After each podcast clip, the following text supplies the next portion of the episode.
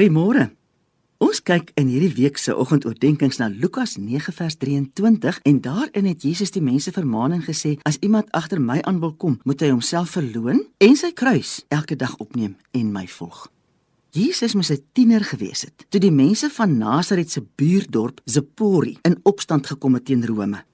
Die Romeine het dit natuurlik nie gevat nie Hulle het al die vrouens en kinders as slawe verkoop. Hulle het die stad afgebrand en 2000 mans wat gerebelleer het, langs al die toegangspaaie na Zipori toe gekruisig. En een van daai toegangspaaie het tot in Nasaret gegaan. Behalwe dat Jesus baie goed geweet het waar sy aardse lewe sou eindig, moes hierdie linie van kruise vir hom en baie ander in die geheue ingebrand gewees het.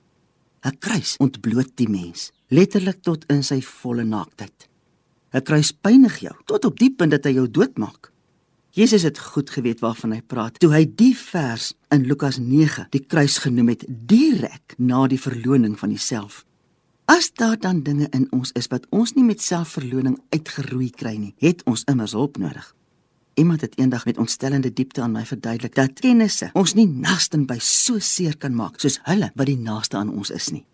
En die wat die naaste aan jou is, sit jou op 'n kruis. Almal van ons het nodig om die volle waarheid van ons voorbeeld, ons gesindheid, wat ook al verkeerd is in ons gekonfronteer te word. En hierdie waarheid gaan ons pynig, maar dis die enigste manier om dit dood te maak.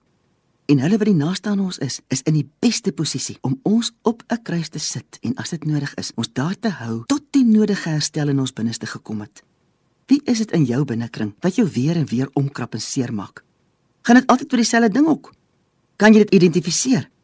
Dalk moet ons besluit om op te hou veg en vlug. Doen iets daaraan. Kies om iets in jouself te verloor. Jou gesindheid, jou reaksie, jou optrede. Kyk wat kan jy verander? En net dalk gaan hierdie ding weg omdat jy gekies het om die spykers uit jou geliefdes se hande weg te vat. Here Jesus Christus, wees my genadig.